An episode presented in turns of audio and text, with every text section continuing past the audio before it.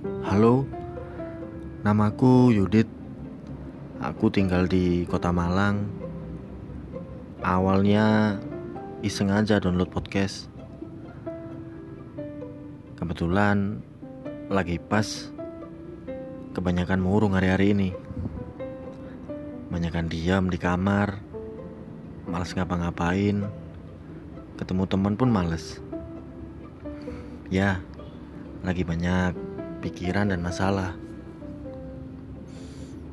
Mau cerita juga pilih-pilih orang. Mau bilang ke orang tua, pasti mereka kecewa, terutama mama.